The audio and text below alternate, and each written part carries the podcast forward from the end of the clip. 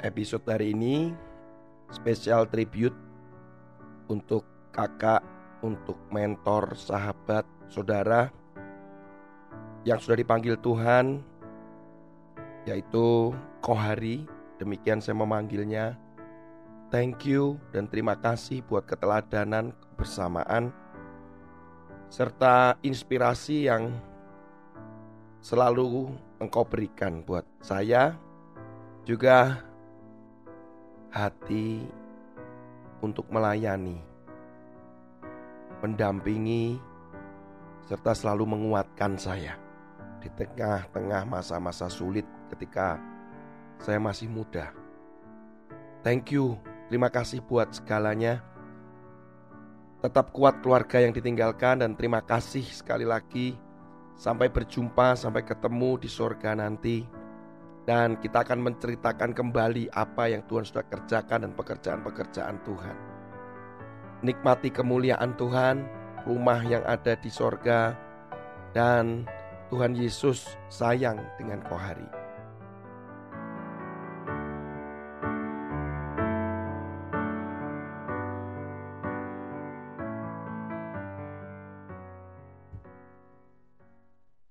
Shalom. Saudara yang kekasih di dalam Tuhan, hari ini pembacaan firman Tuhan kita ada di dalam pembacaan Amsal pasal 10 ayat yang ketujuh. Kenangan kepada orang benar mendatangkan berkat, tetapi nama orang fasik menjadi busuk. Saudara yang kasih dalam Tuhan, hari-hari ini uh, dalam sebuah grup WhatsApp, di mana mereka ini adalah sekumpulan para remaja di gereja kami yang terdahulu di kota kelahiran saya, di mana kami berjuang bersama-sama melayani Tuhan. Kemudian kami bertumbuh bersama-sama di gereja di mana kami lahir baru saat itu. Kami sedang membicarakan seseorang yang baru saja pulang dipanggil Tuhan. Dan kemudian ada celetukan dia berkata, "Ayo kita ceritakan kebaikan dari dia." Kemudian mulailah satu persatu menceritakan kebaikannya. Saudara, begitu banyak kebaikan dia. Walaupun mungkin sempat dia keluar dari gereja tempat di mana kami berjemaat karena ada beberapa perbedaan visi sehingga dia berpindah di gereja lain. Saat itu sempat saya datang kemudian menanyakan Kemudian kami berbagi satu dengan yang lain. Dan puji Tuhan, semua proses perpindahannya dia sangat baik dan penuh damai sejahtera. Dan kemudian dia melayani kembali di gereja yang baru. Dia sebagai guru sekolah minggu, kemudian ketua sekolah minggu. Dan akhirnya memang dipercaya banyak pelayanan di gereja itu. Saudara, kami menceritakan kebaikan dia karena dia pulang ke rumah Tuhan dalam waktu yang sangat tidak terduga.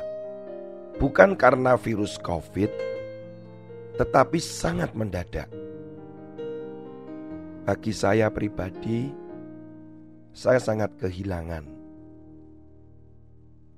Pertemuan saya yang terakhir adalah bulan lalu kami sempat bercanda karena setiap kali kami pulang ke Madiun, kami sekeluarga selalu mampir atau berhenti di depot di mana depotnya terkenal dengan es bajigur dan es kopi. Itu selalu tidak terlewatkan setiap kali kami sekeluarga pulang ke Madiun.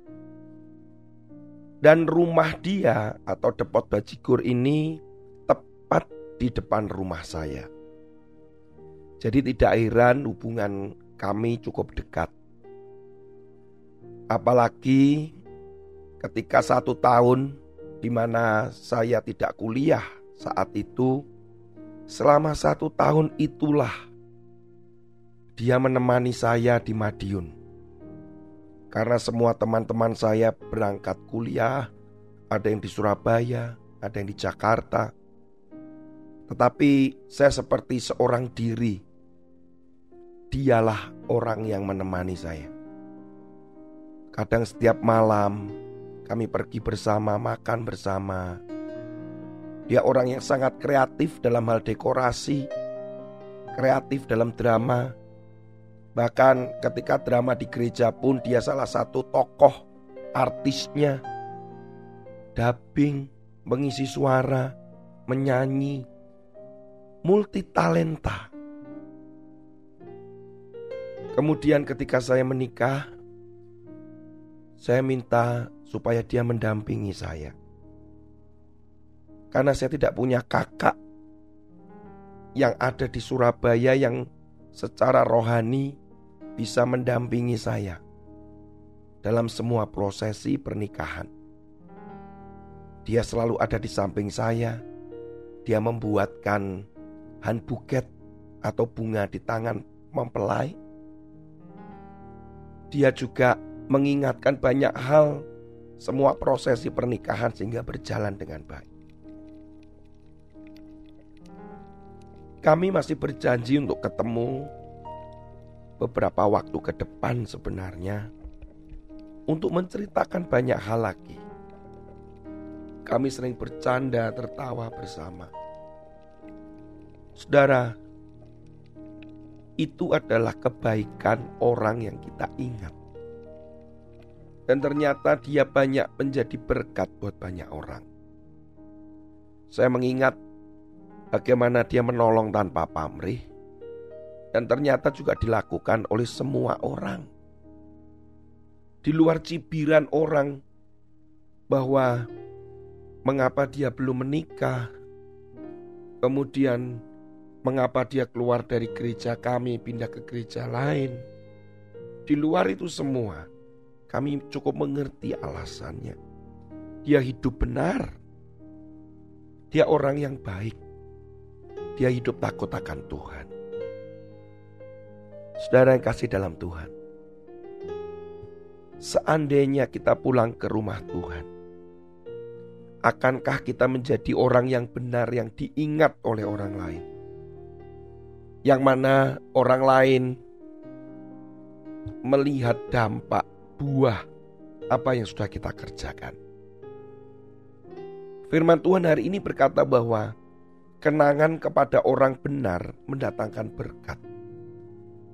Ketika saya mendengar, mengenang apa yang dia lakukan karena dia orang yang benar, itu menjadikan berkat buat saya.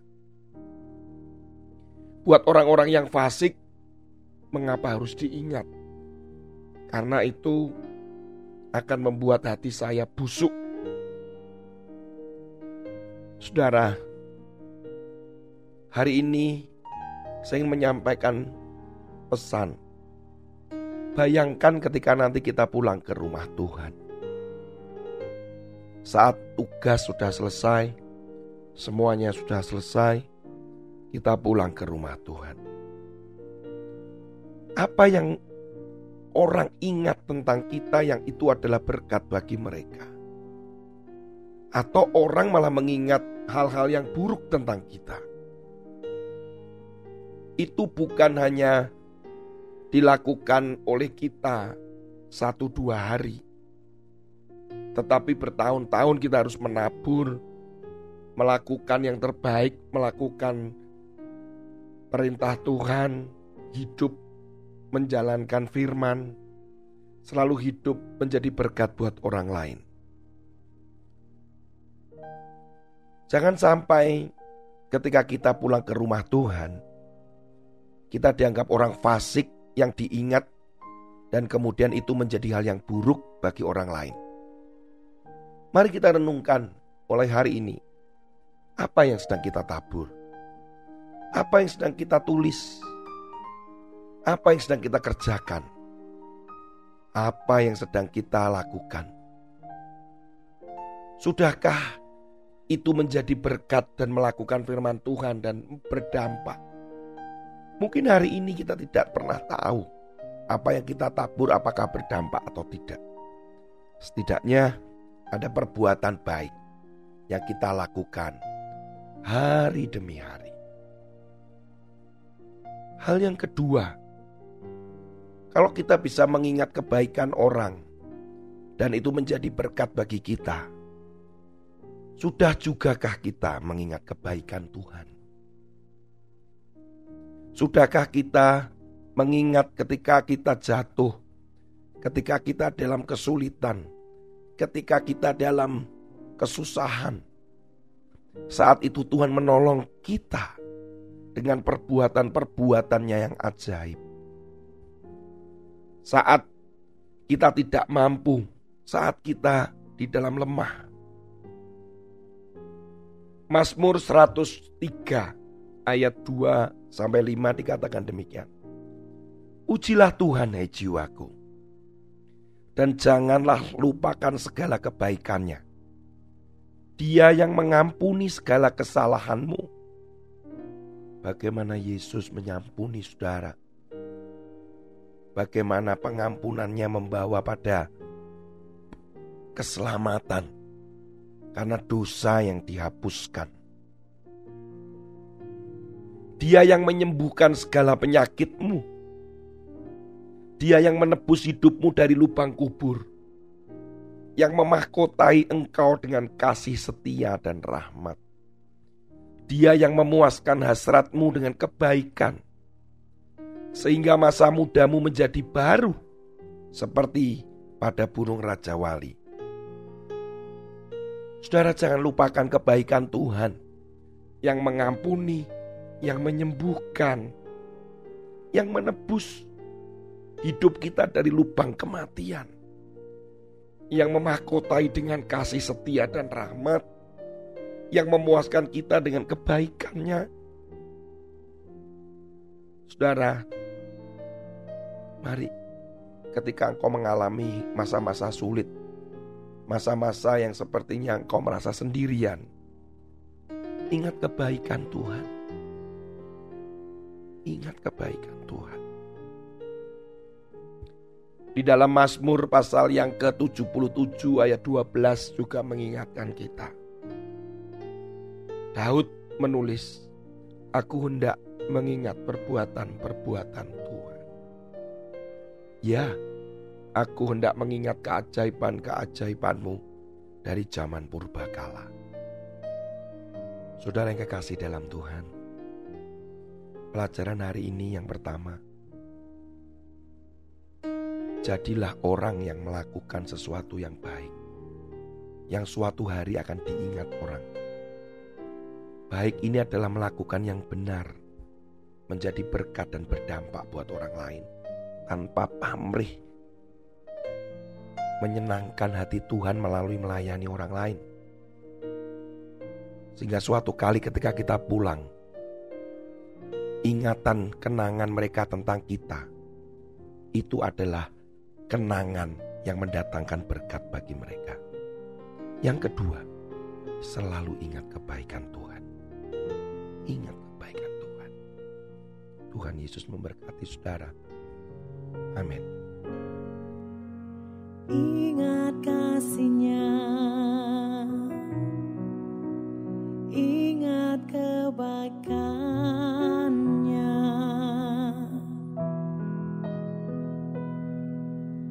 down.